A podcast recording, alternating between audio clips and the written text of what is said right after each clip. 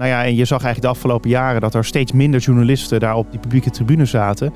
Omdat ze gewoon hun aandacht moeten verdelen. Omdat ze met steeds minder mensen uh, moesten werken. Welkom bij aflevering 14 van de Public Affairs Academie podcast. De podcast waarin we je bijpraten over de belangrijkste ontwikkelingen op het gebied van public affairs, lobby en belangenbehartiging. In deze aflevering is parlementair historicus Alexander van Kessel de gast. Met hem praten we uitgebreid over de formatie en plaatsen we de plannen voor een meer dualistische bestuurscultuur en een regeerakkoord op hoofdlijnen in historisch perspectief. Ook hoor je politicoloog Marcel Hanegraaf. Vorige week gaf hij een interview in de NRC waarin hij stelde dat de lobby in Den Haag eerlijker moet. We gaan uitgebreid bespreken wat hij daarmee bedoelt. Maar eerst gaan we op bezoek bij de lokale omroep van Den Haag, Den Haag FM. We zitten hier in de radiostudio van Den Haag FM in de Centrale Bibliotheek aan het Spui in Den Haag. Uh, en ik zit hier met uh, Pelle uh, Matla, zakelijk leider van Den Haag FM. Zeker. En Ivar Lingen, journalistiek leider van Den Haag FM. welkom allebei. Dankjewel. Dank je. Um, ja, we gaan het hebben over het belang van lokale journalistiek. Um, en dat doen we wel met een oogje op de actualiteit. dat is ook wat we doen in deze rubriek. we kijken naar het nieuws ja, door de, de ogen van de belangenbehartiger of van mensen uh, die een, een, een, belang verdedigen in onze samenleving. En dat zijn jullie bij deze ook. En dan uh, van de lokale uh, media. Um, afgelopen weken hadden jullie zelf nogal vaak het nieuws. Um, en wel met dit fragment. Ik zal het even laten horen. Verwacht u nog enig, op, op enig moment een telefoontje van Mark Rutte? Wilt u informateur worden? Of denkt u daar niet over na? Laten we teruggaan naar Jozef van Aartsen en wat ik daarop zei. Het is volgens mij armoede als je eh, moet constateren dat je alleen bij een 79-jarige kan uitkomen. Hoe leuk dat misschien ook is voor die 79-jarige voor één dag. Maar het is niet goed. Ja, Ivar, dit was uh, Herman Tjenk Willink uh, bij jou in het programma Spuigasten. Waarin je elke zaterdag uh, in gesprek gaat met bekende, minder bekende figuren uit het nieuws en uit de media en uit de politiek. Vooral Hagenaars natuurlijk. ja, toen je hem die, die vraag stelde en hij gaf dit antwoord, had je toen het idee van, nou, dat zou nog wel eens een staartje kunnen gaan krijgen? Nee, en dat was eigenlijk ook omdat de politieke actu actualiteit er nog niet naar was. want pas een, ongeveer ja, een week later werd hij daadwerkelijk gevraagd. Zijn naam zong wel al een beetje rond. Maar ik was wel, ja, uh, er vrij snel mee met deze vraag. Het was ook een beetje out of the blue van... Nou ja, weet je, omdat hij zo vaak wordt gevraagd. Hij, hij staat daar namelijk onbekend dat hij altijd last minute nog even toch wordt gevraagd om uh, informateur ergens te worden. Nou ja, dus ik dacht, nou ja, laat ik hem gewoon, laat ik hem gewoon stellen. Dus er zat niet echt per se op dat moment de gedachte achter van, hey, ik ga hier mijn nieuws maken. Uh, maar nou, nogmaals, dat was omdat de politieke actualiteit er nog niet naar was. Ja, en uiteindelijk werd het heel actueel, want hij werd natuurlijk ja. hij werd uiteindelijk de, de informateur. Nou, sterker nog, ik, ik knip altijd fragmenten naar aanleiding van mijn uitzending dan, waarvan ik denk van nou dat is nieuwswaardig of dat is interessant voor luisteraars, kijkers om dat mee te krijgen. En ehm, dit fragment had ik bewust ook niet geknipt. Uh, dus het zat wel in de uitzending, dus je kon het wel gewoon terugluisteren. Uh, maar mij viel op dat ik, ik had überhaupt Herman Tjek Willink, minister van Staat. En het werd verder eigenlijk helemaal niet echt opgepikt. Niet door regionale media en nou ja, al helemaal niet door landelijke media. En dat verbaasde me eerlijk gezegd toch wel een beetje. Want uh, een week daarvoor zat hij ook bij Buitenhof. En toen heeft hij het een en ander gezegd. Dat haalde wel het landelijke nieuws. Nou ja, hij zei wel ongeveer hetzelfde bij mij. Maar probeerde hem toch iets meer uit de tent te lokken. Ook over Pieter Omzicht, functie elders. Uh, wat, wat zoveel in het nieuws was.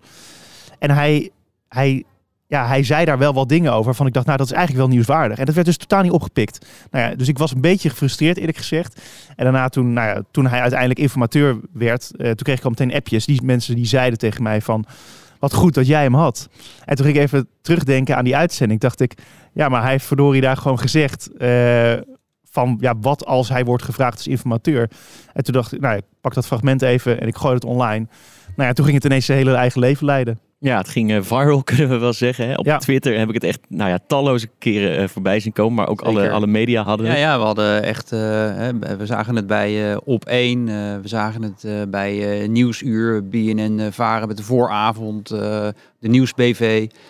bij ook Goedemorgen Nederland. Dus het zat echt bij grote. En zelfs in, in, NRC is die ook nog eh, genoemd met een link, eh, dan online met een link ook weer naar dit fragment. Dus het was inderdaad opeens landelijk eh, nieuws. Ja, en dat is toch mooi voor een lokale omroep, denk ik. Ja, dat is natuurlijk, eh, kijk, fantastisch. Hè? Kijk, een lokale omroep eh, bestaat toch wel bij de gratie ook van, eh, van zichtbaarheid.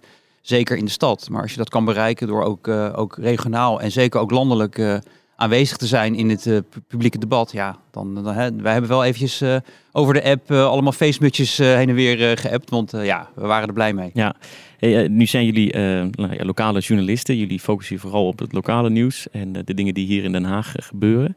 Hoe, hoe kijken jullie nou als lokale media naar die formatie? Die vindt hier wel plaats, een paar straten verderop, maar dat gaat vooral landelijk. Hoe, hoe moet ik me dat, hoe moet ik dat voor me zien? Nou, ik kan er iets over zeggen eh, in de zin natuurlijk dat de formatie eh, eh, natuurlijk ook gaat over, maar dat is heel hoog over, over de besteding van publiek geld aan publieke omroepen. Nou, gisteren toevallig heeft de Raad voor Cultuur een ouder advies van een jaar geleden herhaald hè, dat er eh, eh, 70 miljoen naar de publieke omroep gaat, waarvan eh, 20 miljoen naar de lokale omroepen.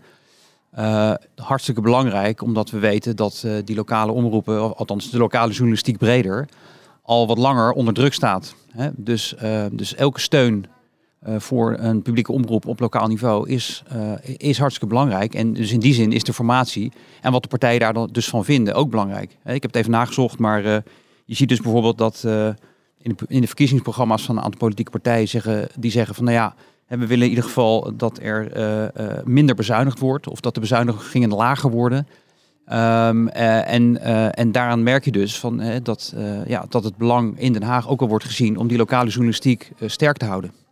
Ja, want eh, nou, je zegt het net al, je hoort het ook vaak. De lokale journalistiek staat, eh, staat onder druk. Hoe, hoe merken jullie dat hier in Den Haag? Nou, als ik even kijk naar bijvoorbeeld de gemeenteraadsvergaderingen, daar zaten wij ooit met volgens mij een stuk of tien mensen op de publieke tribune. Ja, nu is het zo dat we dus van verschillende media, eh, dan hebben we het over de, de lokale weekrand, dan hebben we het over eh, Omroep West, dan hebben we het over Den Haag Centraal, hebben we het over Den Haag FM, ehm, nou, de Telegraaf, eh, AD. Nou, dat waren een beetje de spelers ehm, nou, die bij de gemeenteraad aanwezig waren. Nou ja, en je zag eigenlijk de afgelopen jaren dat er steeds minder journalisten daarop ja, op die publieke tribune zaten. Omdat ze gewoon hun aandacht moeten verdelen. Omdat ze met steeds minder mensen moesten werken. En dat zie je, ja, die bezuinigingen die eh, op de lokale journalistiek, die zie je gewoon dus door bij nou ja, eh, kranten als, eh, als de Telegraaf, waar nu dus nooit meer, of bijna nooit meer, een verslaggever van de Telegraaf was. Dat je ziet daar ook een tendens in, want nu zie je dus de afgelopen nou ja, paar jaar eigenlijk juist weer, dat die lokale journalisten wel weer terug naar het stadhuis komen. ehm, om gemeenteraadsvergaderingen bijvoorbeeld te, voor, te volgen. Maar ja, het kost wel heel veel tijd van een journalist. En als je maar met een paar mensen bent, dan is het wel. Ja, dan kun je andere dingen dus niet doen. Dus dan ben je ook weer minder zichtbaar bijvoorbeeld in de stad. Exact. En als ik daar wat op mag eh, aanvullen. Hè, er zijn al jaren zijn er eh, ja, alarmsignalen van de verschillende journalistieke organisaties. Zoals de, hè, de, de vakbond NVJ die, eh, die zegt hè, dat die lokale journalistiek te veel onder druk staat. Maar ook van het Stimuleringsfonds voor de, voor de journalistiek. Die eh, regelmatig onderzoek doen ook naar eh, de link tussen eh, lokale media en eh, bijvoorbeeld de lokale democratie. En daaruit blijkt ook steeds hè, dat, eh, dat ja, door, door, het, door de verschraling eigenlijk van het eh, lokale journalistieke landschap inwoners eh, minder goed geïnformeerd zijn over de issues die er lokaal spelen. En, en, en dan gaat dus een van de belangrijke functies van een lokale omroep, namelijk het informeren van inwoners en natuurlijk ook de, de, de waakhondfunctie in het volgen van de, van, van de, van de politiek, die komen onder druk te staan. En, en dat is al een tendens die al een aantal jaren aan de gang is. Dus, eh, dus nou ja, goed, in die zin is, is financiering, eh, eh, overheidssteun en dergelijke belangrijk om dat toch op de rails eh, te houden. Ehm, en en ehm, als je kijkt ehm, iets specifieker over Den Haag FM zelf, hoe zijn jullie daarmee bezig om daar weer, nou ja, om, de- om die rol weer eh, te vergroten, zeg maar? Nou ja, we zitten inderdaad in een proces waarin we zeggen van eh, Den Haag FM is een belangrijke omroep voor de inwoners van Den Haag. Hè, met voor en over eh, de inwoners. ehm, eh, nieuws maken, verhalen maken. Eh, en we zijn op dit moment inderdaad heel hard bezig om die functie, laten we zeggen, weer, weer, weer op te poetsen. Dat is belangrijk. Hè. We, willen overal in de stad eigenlijk zichtbaar zijn. We willen de omroep zijn hè, waar, waarvan, je, waarvan een inwoner zegt, hé, hey, daar herken ik me in. Of daar kan ik terecht als ik een mooi verhaal heb. En ook vanuit de redactie, en dat zal Ivor als journalistiek leider kunnen bevestigen, gaan we echt op zoek naar de verhalen hè, die, in de stad, eh, die in de stad leven. Nou ja, kijk, we zitten hier bijvoorbeeld in de Centrale Bibliotheek aan het Spui. Onze studio die zit eigenlijk in Ipenburg op een industrieterrein. Als je dus wil als omroep dat je natuurlijk zichtbaar bent in de stad, wat Pelle zegt, ja, dan is dat eigenlijk natuurlijk niet een geschikte locatie voor een radiostudio. Want mensen moeten daar naartoe komen, maar mensen in de stad die zien je ook verder eigenlijk eh, niet of nauwelijks. Nou ja, en hier zitten we gewoon in het hart van de stad, het hart van de democratie met het stadhuis naast ons. Dus je kunt gasten van het stadhuis heel makkelijk hier naartoe halen. Maar je kunt ook eh, ja, überhaupt mensen uit de stad hier veel makkelijker naartoe halen, omdat het gewoon een centrale plek is. Nou ja, en die centrale plek die willen wij ook dan weer ja, voor alle inwoners weer innemen. Dus dit, dit staat eigenlijk, de plek waar we nu zitten, die staat ook wel een beetje centraal eigenlijk voor dat verhaal eigenlijk. Eh, als ik dan een, een beetje een, een valse vraag mag stellen. eh, ja, wat je toch ook wel hebt, is dat mensen vooral veel. eh, dat mensen ook nou ja, lo- lokale politiek bijvoorbeeld ook gewoon niet zo heel erg interessant vinden. En dat het toch misschien wat minder spannend is. Is dat ook iets waar jullie Ja, tegenaan lopen? Maar dat is dus echt Nou, een aanname. Dat is een aanname, ja. Ik, wou, ik wou ook al, eh, maar Ivar, ga je gang. Nou ja, kijk, eh, als ik kijk naar mijn eigen programma, ik, het gaat puur over politiek. En hoe vaak ik daar al nieuws heb gehaald, eh, wat de hele stad, eh, waar, waar de hele stad iets van vindt. Maar dat het ook tot regionaal of, nou ja, ik bedoel, we hebben het nu net over Herman Jake Willink gehad. Dat gaat natuurlijk over iets landelijks. Maar ik heb ook uitspraken van politici weten te ontlokken, waar heel Den Haag iets van vindt, maar ook waar het, he- die het hele land zeg maar doorgaan. En dan maak je dus van iets lokaals politiek, maak je dus iets veel groters. En ehm, ik, ik denk wel, ja, ik bedoel, eh, in Den Haag is het natuurlijk zo dat, dat wij eh, niet alleen eh, het stadhuis hebben, maar we hebben natuurlijk ook het Binnenhof. Dus we hebben ook wel een bijzondere functie hier. Maar je ziet wel dat, dat ja, de afgelopen twee jaar de politiek hier in Den Haag enorm leeft onder de bevolking door bijvoorbeeld corruptieschandaal, eh, althans eh, corruptieonderzoek. Eh, naar eh, de twee eh, ja, ex-wethouders van, van Hart voor Den Haag, Groep de Mos. We hebben een burgemeester die is opgestapt. We hebben een waarnemend burgemeester gehad, Remkes, die echt de, orde en rust weer moest terugkrijgen in de stad. En je merkte gewoon dat in de stad het enorm leefde. En dan is het goed dat je dus daar heel veel bent op het stadhuis, of veel bent geweest, want dan heb je die connecties. En ik merkte dus al die andere media, van Nieuwsuur tot aan andere NPO-programma's. Eh, nou, ik was toen nog gevraagd bijvoorbeeld om bij Pauw aan te schuiven over de situatie hier. Eh, en het bijzondere is dan, dan leunen dus landelijke media enorm op de lokale eh, ja, eh, contacten en berichtgeving. Dus dan zie je, ja, als, we, als we daar nooit in hadden geïnvesteerd, eh, of als ik daar nooit in had geïnvesteerd, voor mezelf alleen al, dan, dan was dat niet allemaal naar mij toegekomen. Ja. Ja, maar, hè, dus, maar als, ik, als ik daar iets no- nog over mag toevoegen. ehm, dat, dat is, dat, ik snap je vraag eh, van de net. Eh, ik, ik er een onderzoek op na van de, weer het Stimuleringsfonds eh, voor de Journalistiek. Die in 2018 eh, eh, onderzoek deed nou, rondom de toenmalige gemeenteraadsverkiezingen. En eigenlijk de link tussen berichtgeving en stemgedrag. En daaruit kwam wel naar voren hè, dat het wel belangrijk is voor lokale media om die onderwerpen te belichten die ook echt leven in de stad. Ehm, hè, en dat gaat vaak over zorg en veiligheid bijvoorbeeld. Ehm, en dat is natuurlijk wel eh, waar we goed op moeten letten. Hè, van dat we ons niet al te veel focussen op eh, nou ja, wat er eh, laten zeggen, in de gemeenteraden gebeurt. Want het is waar, we zenden de gemeenteraadsverkiezingen integraal uit. Maar we weten ook wel van ja, een stukje duiding daaromheen eh, zal wat, wat aantrekkelijker zijn voor, voor, de bewoner. Dus dat je wel echt je oren en ogen open houdt om ook wel te voelen wat de stad belangrijk vindt. En die verhalen die worden ook gemaakt. Hè. Dat zijn, en dat zijn, laten we zeggen, kleine verhalen. Hè. Eh, bijvoorbeeld, eh, er was een, eh, een, een- een pakschuit. Dat is eigenlijk een, soort platbodem waarop een, meestal een café staat. En, en, die, en die was gezonken. Nou, hartstikke vervelend voor die mensen in de buurt uiteraard. Door berichtgeving op onze zender kwam er een crowdfundingsactie op gang. reageerden mensen en kon dat schip weer gered worden, weet je wel. Dus dat is allemaal geen groot meeslepend nieuws. Maar het is wel hartstikke relevant voor, ja, voor de inwoner van de stad en misschien wel van die buurt. En daar moet je dus ook voor zijn. Ja, dus, eh, dus in die zin eh, zou je kunnen zeggen twee functies. Aan de ene kant het lokale misschien nationaal eh, maken en het, en het lokale ook nou ja, lokaal houden en op zoek naar de, de belangrijke lokale verhalen.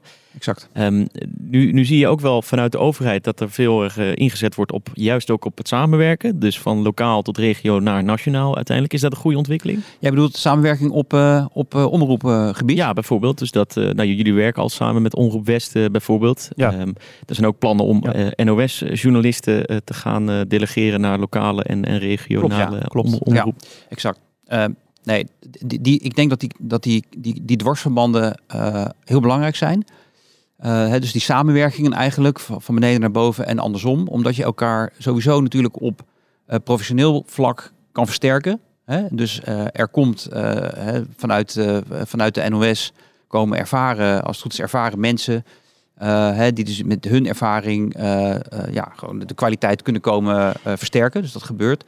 En andersom is er natuurlijk ook um, voor bij de, bij de regionale en ook bij de landelijke media toch ook wel steeds meer aandacht en belangstelling voor wat er nou eigenlijk in het land speelt. Want grote nationale omroepen die kunnen ook niet uh, in die wijken en daar gebeurt het natuurlijk wel vaak. Dus het zorgt voor verbinding, denk ik. Verbinding die je als lokale omroep in je eigen stad ook al heel erg hebt, maar die eigenlijk ook verticaal werkt, denk ik. Ja, en het leuke is natuurlijk ook dat, uh, nou ja, dat sommige verhalen, jij noemde het verhaal van de, van de pakschuit, uh, wat dan echt een super lokaal verhaal is. Alleen de mensen in die straat die zien dat zo'n terrasboot dan gezonken is. Uh, maar je ziet dus dat het wel in de hele stad leeft. of in de hele stad. In elk geval dat het veel breder leeft dan alleen maar in bepaalde straat of zelfs wijk. Maar dat het dus echt, nou ja, er komen mensen van heinde en verre daar naartoe. Ehm, en je ziet dus dat ook het heeft een bepaalde naam, een status. En dan vindt de regionale omroep, Omroep West, het ook interessant. En die plaatsen het ook op hun site. En dat heeft een soort ja, vliegwiel-effect, waardoor het steeds groter en groter wordt. Het is nog net niet dat de NOS dat dan overneemt, maar in theorie had het ook, had had dat ook, ook gekund. gekund. Ja. Exact, ja, exact. En dat heeft dus een zichzelf versterkend effect. Um, het werkt twee kanten op, zou ja. je kunnen zeggen. Ja, exact. Ja. Um, ja, tot slot dan. Uh, we staan in deze rubriek ook altijd even een beetje stil van wat er aan uh, zit te komen. Um, ja, misschien Ivar, voor, voor een leuke vraag uh, voor jou. Van wat ga jij op, op journalistiek vlak nou de komende tijd in de gaten houden hier in, in Den Haag? Wat zijn nou de grote dingen die er aankomen? Nou ja, de gemeenteraadsverkiezingen hè, over een klein jaar zijn ze er alweer. Uh, dus je ziet nu dat bijvoorbeeld de eerste lijsttrekkers bekend worden gemaakt. Je ziet ook welke partijen hier gaan meedoen. Nou ja, nieuws van deze week was eigenlijk dat Denk hier ook gaat meedoen. Heeft echt een, een, verkiezingswinst hier geboekt bij de Tweede Kamerverkiezingen. Dus het is niet gek dat zij hier aan mee gaan doen. Maar wij hebben dus al drie partijen hier in de gemeenteraad die, die al op nou ja, islamitische grondslag eigenlijk opereren hier in de gemeenteraad. dus het worden hele interessante verkiezingen. Vooral van ja, wat wordt het thema eigenlijk daar. En de woningmarkt is iets wat, wat al heel lang eigenlijk speelt. Wij zijn daar wel mee bezig om dat ook als, als thema zeg maar, zelf aan te, een beetje ja, in de picture te krijgen. Want ja, iedereen vindt er wel wat van, maar ik vind dat we er best meer over kunnen berichten zelf. Uh, dus daar zijn we ook, daar zijn we ook echt nadrukkelijk mee bezig. Dus dat is wel ja, een thema naast de verkiezing dus, waar die verkiezingen ook over gaan. Uh, maar ja, de, helaas zal het ook nog wel heel veel over corona gaan. Ja, ja, ja dat, uh, dat, zit er wel in. En, uh, en Pelle, wat, nou ja, jij bent dus zakelijk leider. Wat, wat zijn de plannen voor Den Haag FM zelf de komende tijd? Waar, ja, het, is, het, is, eigenlijk heel breed, maar ik denk dat ik twee belangrijke taken voor me zie. je moet weten dat Den Haag FM ook een belangrijke vrijwilligersradiostation is. Nou, door corona zitten vrijwilligers thuis, want de studio die is uh, ja, eigenlijk niet, niet deze studio, maar laten we zeggen de vaste studio uh, elders in de stad, is eigenlijk niet geschikt om daar gasten te ontvangen. Of althans, hè, dat is, dit moment is dat toch echt lastig. Dat is ook wel beleid om dat niet te doen. we gaan ervan uit dat het allemaal weer open gaat richting en na de zomer. En dus de vrijwilligersradio weer opstarten, dat is één heel belangrijke taak. En de andere is uh, dat ik met zoveel mogelijk partijen in de stad, en dan moet je denken aan, nou, dat kunnen zijn festivals, kunnen zijn culturele, maatschappelijke instellingen, ook de gemeente, heel belangrijk. Uh, uh, misschien wel onderwijsinstellingen, de banden aanknoop. Laten zien dat we er zijn, dat we willen samenwerken, dat we samen willen dingen doen. Om zo die platformfunctie van de lokale omroep ja, te verbreden en te verstevigen. We gaan, uh, we gaan Den Haag FM in de gaten houden. Uh, Pelle Matla en uh, Ivar Lingen, allebei van Den Haag FM. Dus veel dank voor dit interessante gesprek. Geen dank. Dank je ook. Graag gedaan. Twee afleveringen geleden alweer begonnen we met een nieuwe serie met verdiepende gesprekken over de formatie. In de eerste aflevering was Rien Fraanje te gast van de Raad voor het Openbaar Bestuur. En in de vorige aflevering stonden we uitgebreid stil bij het omzichtdebat. Uh, dat deden we met uh, historicus Peter Bootsma. En hij vertelde ook het een en ander over het formatieproces in Duitsland, waar hij op promoveerde. Um, ben je benieuwd naar deze gesprekken? Kijk dan even op onze website www.pa-academie.nl. Vandaag de laatste aflevering van de serie verdiepende gesprekken over de formatie. En uh, deze keer is de gast Alexander van Kessel van de Radboud Universiteit in Nijmegen. Alexander van Kessel is onderzoeker bij het Centrum voor Parlementaire Geschiedenis van de Radboud Universiteit in Nijmegen. Hij was onder andere betrokken bij de evaluatie van de formaties van 2012 en 2017.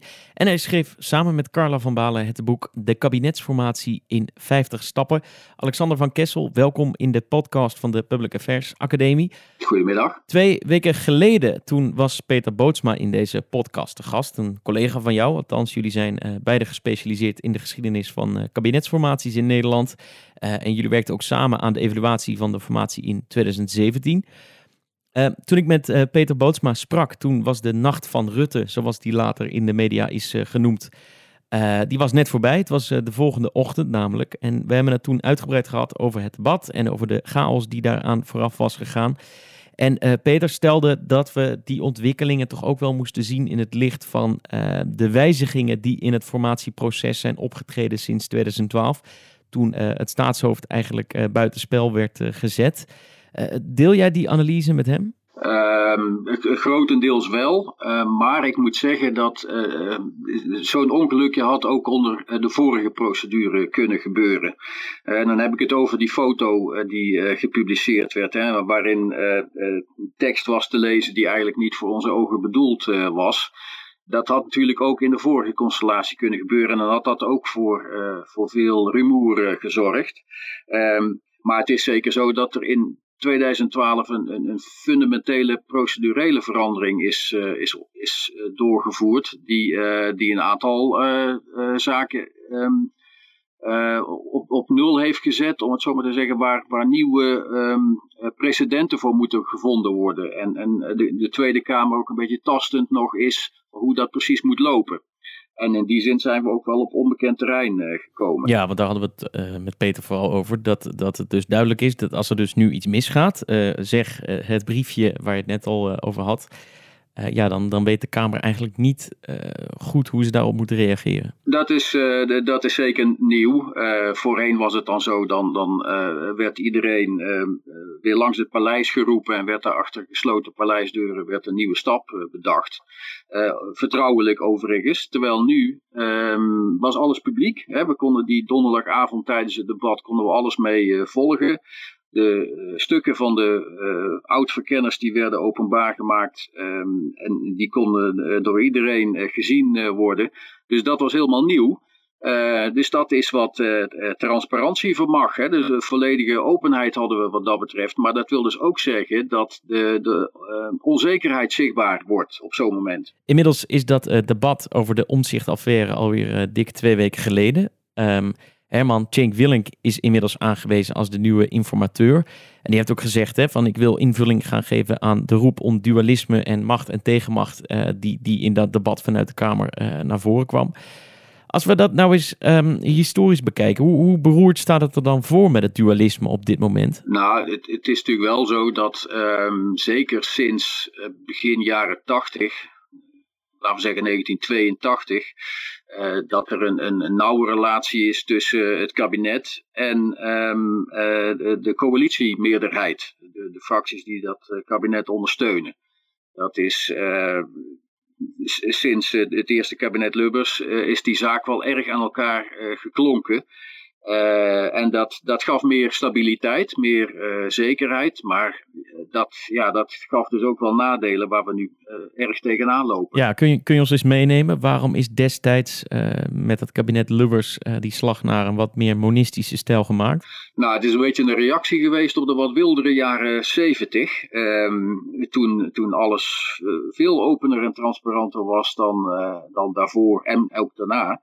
Um, dus de periode bijvoorbeeld van het, uh, het, het, kabinet Den Uyl en het eh, kabinet van Acht. Toen werd er bij wijze van spreken uh, op straat werd er geformeerd. Het, het kabinet in elkaar gezet. Journalisten die wisten sommige dingen vaak eerder dan uh, partij- en fractiegenoten. Um, maar dat, dat had wel tamelijk instabiel bestuur tot gevolg. Het kabinet NL bijvoorbeeld, dat, dat hinkte op, op verschillende gedachten. Er, zat een, uh, een, een, grote progressieve kern in die wel wisten waar het heen moest. Maar die hadden geen meerderheid in de Kamer, hadden daarvoor uh, confessionele steun nodig. En die hadden weer hele andere belangen en wilden zeker niet eenduidig die, die, die, die progressieve voorstellen overnemen. waardoor er voortdurend allerlei compromissen moesten worden gesloten. En um, doordat toen die, die monistische cultuur uh, nog, nog ontbrak, of althans een stuk minder was dan, uh, dan nu, uh, was, was het debat in de Kamer ook een stuk onvoorspelbaarder. Dus de, met name de steun van de confessionele fracties was helemaal niet gegarandeerd. Uh, dus dat kabinet moest soms maar afwachten wat, wat er uit, uh, uit belangrijke politieke dis discussies kwam. En dat gold in zekere mate ook al voor het eerste kabinet van Acht. Het kabinet van Acht uh, Wiegel, 77 tot 81. steunde op een, een, hele krappe Kamermeerderheid. en in die Kamermeerderheid in de CDA-fractie zaten ook nog eens een paar mensen die het helemaal niet met het kabinet eens waren. Dus die iedere keer weer lastig konden gaan doen. Um, en daar is in 82 toch wel een beetje korte metten meegemaakt door de, de, de banden tussen kabinet en coalitiemeerderheid wat fors aan te halen. Ja, en moeten we dan concluderen dat, het, um, dat dat monisme in de afgelopen decennia weer is doorgeslagen naar de andere kant? Um, of, of is de roep om nou ja, een soort meer open uh, vorm van bestuur gewoon weer toegenomen? Zijn de tijden weer veranderd? Nou, die roep is er natuurlijk altijd wel geweest. Uh, om, om, om meer transparantie, um, meer inzichten. De, de klacht is eigenlijk altijd geweest. Uh, met name van progressieve kant van de Nederlandse burgers die mogen kiezen wie er in die Tweede Kamer kozen, maar hebben niks te vertellen over wie er uiteindelijk uh, het kabinet gaan vormen. Dat is een soort van black box. Dus daar is met, met golven is, is, zijn daar steeds wel, is daar steeds wel tegen geageerd. Um, maar we lopen dus nu tegen, uh, tegen concrete issues aan, uh, zoals de, de, de kindertoeslagaffaire bijvoorbeeld. Dat, dat uh, de, een groot deel van de Nederlandse burgers denkt van ja, maar hier, hier willen we meer grip op, hier willen we meer grip op hebben. dus dat is een golfbeweging, maar de, de, de gedachte is nu toch, er is, het is wel weer tijd om, om, om de trend te keren. Een van de uh, dingen die steeds in de discussies over het dualisme en de macht en tegenmacht uh, uh, naar voren komen, is, is, de, is het regeerakkoord. Um, dat de afgelopen jaren steeds dikker is geworden, steeds meer dichtgetimmerd. nou ja, Herman Tjenk Willink heeft al gezegd in zijn persconferentie vorige week dat hij eigenlijk het liefst een akkoord op hoofdlijnen wil. Als dat nou uh, zou gebeuren, is dat dan een unicum? Hebben we zoiets eerder meegemaakt in Nederland? Nou, dat, voor de jaren zestig was dat eigenlijk wel gebruik. Um, toen toen uh, waren het zelfs vooral de, uh, konden de ministers die uiteindelijk tot het kabinet toetraden, konden meer invloed uitoefenen op het regeerprogramma. Dat heette toen ook nog zo. Het regeerprogramma was eigenlijk meer een, document van de, van de ministers dan van de fracties die, die er mee te maken hadden. Uh, het is eigenlijk in 1963 voor het eerst dat er een, een, een uitgebreid, uitgebreider uh, regeerakkoord is gesloten tussen coalitiefracties. Um, en um, ja, dat, dat is met, met ups en downs is dat steeds uitgebreider uh, geworden.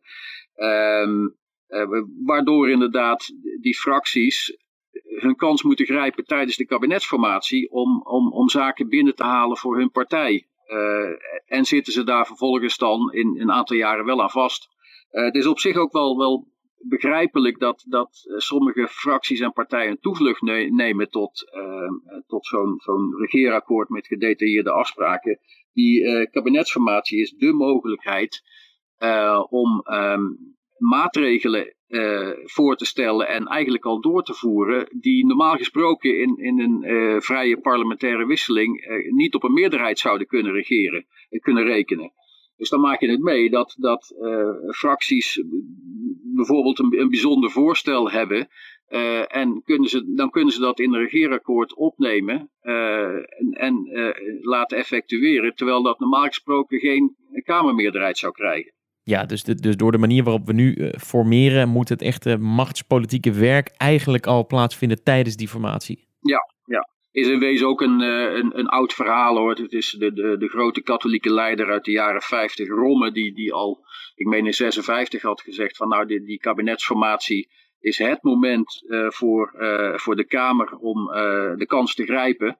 Uh, want dan dient zich die gelegenheid aan om, om allerlei maatregelen voor te stellen en te verzekeren van een, eh, van een meerderheid. Die jaren daarna, dan, uh, ja, dan zijn die kansen een stuk kleiner. Naast dat het veel gaat over dat uh, regeerakkoord op hoofdlijnen, um, hoor je ook steeds meer stemmen opgaan voor een minderheidskabinet. vooral vanuit nou ja, de partijen die het liefst niet de VVD en Mark Rutte terugzien in de regering. Hoe, groot acht jij de kans dat dat gaat gebeuren? Die kans wordt eigenlijk pas groter uh, als het heel lang gaat duren en allerlei andere opties uh, echt niet blijken te kunnen.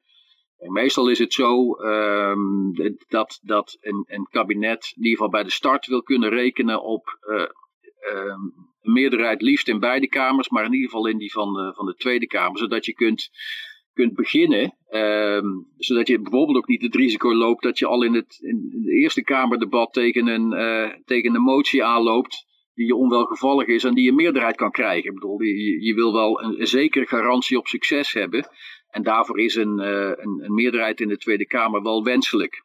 Um, het is tijdens die kabinetten Rutte de afgelopen uh, ruim tien jaar wel gebleken dat, dat het niet per se nodig is om de hele rit een Kamermeerderheid uh, te hebben. Uh, het, kabinet Rutte 3 eindigde ook met een, met een minderheid. sinds Van Haga was overgestapt naar, naar Forum. Um, en, en, daarna is er gewoon nog doorbestuurd. Dus dat hoeft niet per se het geval te zijn. De Eerste Kamer is nog een ander verhaal. diverse kabinetten Rutte hebben daar een minderheid gehad.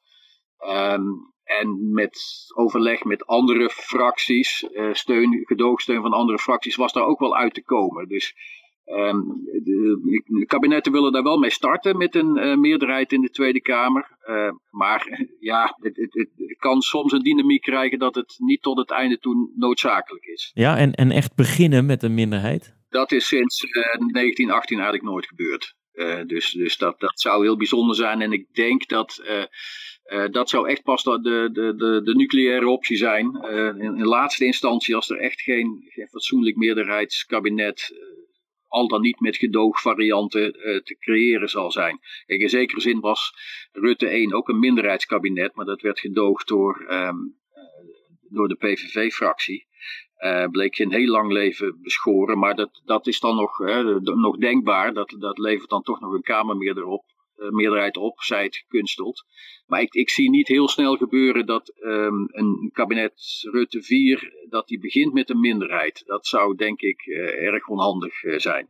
De kans op een minderhedenkabinet, vanaf het begin althans, is dus, is dus klein. Nou, we hebben het uitgebreid gehad over het regeerakkoord op, op hoofdlijnen. Die is, dat is zelfs al genoemd hè, door Herman Cenk Willink.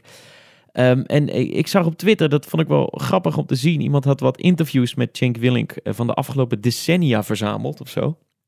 Um, hij loopt natuurlijk al heel erg lang mee. En, en een van de dingen die opviel was dat hij eigenlijk al, al, al 40 jaar hetzelfde zegt over wat er zou moeten veranderen uh, met de bestuurscultuur in Nederland. Um, ja, als we het dan houden op, op dat uh, regeerakkoord op, op hoofdlijnen.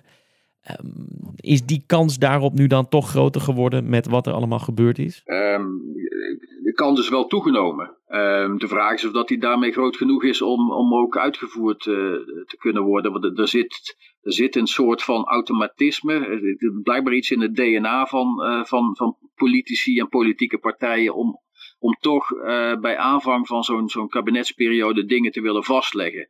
En nogmaals, dat is wel logisch, want, want met name als daar kleinere partijen voor nodig zijn met, met specifieke programmapunten, um, die willen, daar, die willen voor hun deelname aan zo'n kabinet willen die bepaalde garanties uh, hebben. Nou, en dan kan het zijn uh, dat zo'n regeerakkoord toch vrij snel weer gedetailleerd wordt en, en allerlei beleidsterreinen toch, toch stevige afspraken gemaakt moeten worden. Ja, we gaan het, we gaan het zien de komende weken wat het gaat worden. Zeker, spannend. Alexander van Kessel, onderzoeker bij het Centrum voor Parlementaire Geschiedenis van de Radboud Universiteit in Nijmegen. Veel dank voor je historische duiding. Eind vorige maand starten we met de Public Affairs Academie met de workshop-reeks Polderen, Onderhandelen of Samenwerken. En op dinsdagmiddag 20 april dan vindt alweer de laatste workshop in deze serie plaats. En dat is de workshop van Robin Bremenkamp. Hij is oprichter van Common Eye, een adviesbureau op het gebied van samenwerken en op het gebied van samenwerkingsprocessen. En hij eh, schreef onder andere het boek Eerste Hulp bij Samenwerken. En wat voor Bremenkamp centraal staat is zijn motto: samenwerken is mensenwerk. En wat hij daarmee bedoelt gaat hij vertellen tijdens zijn workshop op dinsdagmiddag 20 april dus. Wil je daarbij zijn? Kijk dan op www.pa-academie.nl agenda. Vorige week kopte de NRC de lobby in Den Haag moet veel eerlijker. En dat was een uitspraak van Marcel Hanegraaf die hij deed in een interview met die krant. Hanegraaf is associate professor bij de Universiteit van Amsterdam. En hij is onder andere gespecialiseerd in het bestuderen van belangengroepen en hun toegang tot de macht. Marcel Hanegraaf, welkom in de Public Affairs Academie podcast. Ja, dankjewel. Bedankt voor de uitnodiging. Uh, je vertelt in NRC dat er de afgelopen decennia iets is uh, scheef gegroeid in Nederland waar het uh, de lobby betreft. ja, kan je ons eens meenemen? Wat zie jij als het voornaamste probleem? Ja, ja er zijn een, een aantal problemen die, die we constateren. Ik zou eens even de, de context kort schetsen. Dus wij, wij doen eigenlijk al, al jaren onderzoek naar het, het, ja, de politieke effecten van, um, van lobbyen. En dan kijken wij dus ook naar ja, wat is de, de mobilisatie, wie zijn de, de organisaties die actief zijn. En nu heb ik samen met eh, Alice Eisenberg, dat was een, um, een eh, PhD-student die de afgelopen jaren um, uh, bij mij gewerkt heeft. En zij heeft onderzoek onder andere gedaan naar over tijdveranderingen. Dus zij heeft echt geprobeerd in kaart te brengen um, om te kijken van nou, wat zijn nou de belangengroepen types die we het meest actief zien. Zowel in Den Haag, maar ook in de media. En uit dat onderzoek is een, hele opvallende trend gebleken. En dat is namelijk dat, um, dat we zien dat er een enorme toename is van het, het aantal individuele bedrijven dat, um, dat zelf lobbyt. En dat is echt een, een, een trendbreuk, want nou ja, tot zeg maar de, de jaren 90 en, en begin 2000 zagen we toch dat, dat voor heel veel onderwerpen de, de bedrijfskoepelorganisaties um, actief waren. Eh, en dat dat de voornaamste vertegenwoordiger was van het bedrijfsleven. Maar we zien eigenlijk dat dat, dat, er een, dat dat helemaal veranderd is. En dat veel meer individuele bedrijven aan het lobbyen zijn. En dat heeft als effect, want er zijn natuurlijk heel veel bedrijven, dat we een beetje een crowding out effect waarnemen. Dat, dat ze eigenlijk niet alleen ten koste zijn gegaan van de, de koepelorganisaties, maar bijvoorbeeld ook van vakbonden, ook van NGO's, eh, eh, van kennisplatforms. Um, en nu eigenlijk by far de, de grootste en belangrijkste lobbygroepen zijn. Ja, dus het beeld wat, je, wat jullie zien is dat um, vroeger bedrijven vooral via koepelorganisaties aan tafel uh, kwamen te zitten. Ja. Um, en, en, en, en dat dat nu steeds vaker op individueel uh, niveau gebeurt. Maar als we kijken naar nou ja, wat dat nou voor, voor invloed heeft, wat maakt het nou uit of een bedrijf de, door een koepelorganisatie wordt vertegenwoordigd of dat hij daar zelf gaat zitten? Het belangrijkste is dat, het, dat er gewoon veel meer zijn geworden. Hè. Dus vroeger had je natuurlijk ook bedrijven die aan tafel zaten, uiteraard. Um, maar dat, was, dat waren er dan een aantal. Dus dan moet je je voorstellen dat, uh, dat, dat we zeggen, 20% was, waren individuele bedrijven en 20% waren koepelorganisaties. Dan zaten de vakbonden waren een belangrijke speler, natuurlijk de experts die aan tafel zaten. Maar nu zien we dat bij heel veel, um, uh, bijvoorbeeld rond de tafelgesprekken, bij uh, consultaties, zien we dat tot aan soms al de helft van de organisaties eigenlijk die individuele bedrijven zijn. En het zijn natuurlijk niet de kleintjes, het zijn de grote uh, individuele bedrijven. En het probleem daaraan is, is en dat is ook wel het onderzoek aantoont, want dat is ook iets waar we mee bezig zijn geweest, en niet alleen in Nederland, maar ook internationaal, is dat we zien dat dat wel degelijk een probleem kan opleveren. Omdat uh, bedrijven veel meer oog hebben voor de korte termijn. Terwijl koepelorganisaties, hè, die, die moeten ervoor zorgen dat een, dat een economisch klimaat, dat een sociale stabiliteit, dat die voor langere termijn houdbaar is. En uh, dat is voor bedrijven vaak een, een lastige um, piste om in het oog te houden. En vandaar dus dat dat een groot probleem uh, kan zijn. En, en um, als het gaat om, om concrete uh, zaken, waar, waar zien we nou in terug? Waar merken we als burger zeg maar, dat, dat de lobby van grote bedrijven uh, sterk is? Nou ja, kijk, denk aan, aan voorbeelden als. Uh, kijk, het zijn, het, het, zijn vaak grote ondernemingen die uit het buitenland komen. Hè, ook, hè, dus multinationals die niet alleen maar in Nederland meer actief zijn. En die gaan zich veel actiever bemoeien met de lobby. Ja, je, je kan denken aan een, aan een Uber, wat ontzettend actief is ook um, uh, in het lobbyen. En die zijn totaal niet bezig met, nou oké, wat is nu de, de lange termijn visie van hè, het, het, het, vervoer van personen in een land. Die zijn puur bezig om uh, een markt te veroveren. En ze krijgen daar ook binnen het, het, het, huidige politieke bestel eigenlijk alle ruimte voor. En je kan je afvragen of dit op de lange termijn een, goed systeem is. Airbnb precies hetzelfde. Um, kijk wat voor effecten de toegang van Airbnb uh, in Nederland heeft gehad. Hè? Dus de huizenprijzen die enorm de, de, uh, de lucht inschieten. Een hele branche die het, die het uh, door, de, uh, door deze organisaties heel erg moeilijk heeft gehad. En er is eigenlijk amper regel, regelgeving voor deze organisaties. En, en, we hebben dat ook wel. Dat, is niet alleen een academisch onderzoek, maar dat is ook wel in de media geweest. Maar dat, dat komt echt omdat zij een ontzettend actieve lobby zijn gaan voeren voor dit, voor dit soort beleid. En het punt dus, ja, dat ik, de zorg die ik daarmee heb is gewoon dat als wij dit deze trends eigenlijk door en door blijven gaan, dan denk ik dat, um, ja, dat we een lobby gaan zien die meer gericht is op de korte termijn en eigenlijk veel minder op de lange termijn. En ik denk dat dat een zorgelijke trend is. Plus, een tweede is, is dat we, um, en daar is ook ontzettend veel onderzoek naar gedaan, is dat de effecten, als je, hè, dus als je een verschuiving krijgt van lobbyen van individuele bedrijven, met name grote bedrijven, en dat de rol van de, uh, de koepelorganisaties minder belangrijk wordt, is dat ook de, de voordelen van lobbyen ook veel meer ten goede komen naar grote bedrijven. En daarmee eigenlijk het MKB eigenlijk het, uh, ja, het kind van de rekening is. Waar we dat heel erg hebben gezien is in, in handel. Hè, dus in economisch onderzoek hebben we dat heel erg teruggezien. Dat waar vroeger de effecten van, van handel eigenlijk eh, ten goede kwamen van de hele sector. Hè, dus een hele sector profiteerde daarvan, de grote jongens, de kleine jongens. Maar we zien eigenlijk in de afgelopen nou, 10, 15, 20 jaar... Eh, simultaan met die groei van individuele bedrijven die dus lobbyen op handelsbeleid ja, zien we eigenlijk dat die effecten helemaal niet meer zo goed ten goede komen van het, uh, van het MKB, maar veel meer terechtkomen bij, um, bij de grotere bedrijven. Nou, ik denk niet dat het iets is wat wij als, als maatschappij graag willen. Ja, en, en wat denk je nou dat de oorzaak is van deze ontwikkeling? Wat is nou de oorzaak van het feit dat die koepelorganisaties hun, hun monopolie uh, verliezen? Uh, ja, je gaf al aan, vroeger zaten er ook wel individuele bedrijven aan tafel, maar het is echt veel meer geworden. Hoe, hoe kunnen, we dat, hoe kunnen we dat duiden? Ja. Hoe kunnen we dat begrijpen? Nou ja, kijk, één, Eén heeft te maken met, met internationalisering en, en Europeanisering. Hè? Dus waar, je, waar vroeger, laten we als voorbeeld nemen de chemische sector, hè? of je kan elke sector invullen, heel erg gericht was op de Nederlandse markt. Dat betekende ook dat de bedrijven ook ongeveer dezelfde belangen hadden. Hè? Dus, dus er was, dat was ook makkelijk voor een vertegenwoordigende organisatie om die te vertegenwoordigen.